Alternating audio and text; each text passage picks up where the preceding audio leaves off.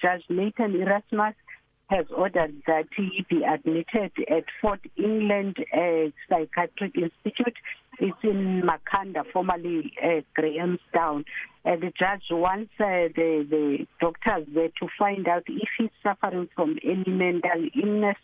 Uh, he's ordered also that uh, they must find out whether there's a he has intellectual disability. He had intellectual disability at the time of the commission of the offense and whether he's able to understand the court procedures that are currently underway. Uh, also, the, the court also ordered that uh, they must find out if he really does appreciate the wrongness of his action.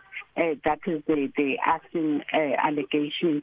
So they want him to be removed. In fact, from what we heard from the NPA and the, and his lawyer, Luvuyo Godlo, is that he's going to be removed from today to Fort England, and they are expected, uh, the doctors at Fort England are expected to report to the NPA and the registrar of the court by the within 30 days, and that Mafe is expected to appear again in court uh, on the 8th of May. But as soon as the as the observation and the assessments are done, he's expected to be sent back to Pollsmoor prison. The court has ordered that all this be done within 30 days, unless uh, there are other problems, which they will be able to report to the court. Sakena. Uh, Tandi, so um, the reaction from Mafe's uh, legal representative, uh, what are they saying? And uh, also just uh, that movement, uh, you know, uh, is that something that they are concerned about?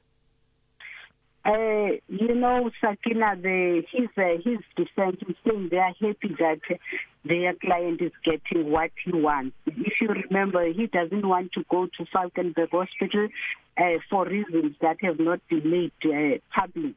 But his his lawyer also has been able to mention that you know initially if you remember at the beginning of this case uh, the NPA said immediately that he needs to be taken for psychiatric evaluation. So the defense went to court to the high court to appeal that decision. So uh, later they realized that he really needs to go there. So they are saying the defense is saying they are happy that he's getting what he wants. So to be evaluated at, a, at an institution of his choice because he doesn't want to go to Falkenberg. So the defense is saying, Mr. Kola is saying, uh, it is uh, Mr. Mafe's experience while he was he was admitted for a short period at Falkenberg that made him not to want to go back there.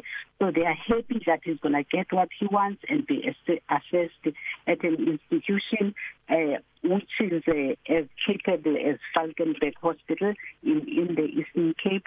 Uh, also, the NPA says it's satisfied because that's what they were calling for initially. So they are also uh, uh, they are also uh, satisfied that he will be getting this resolution so that the case can get underway uh, ultimately. Okay.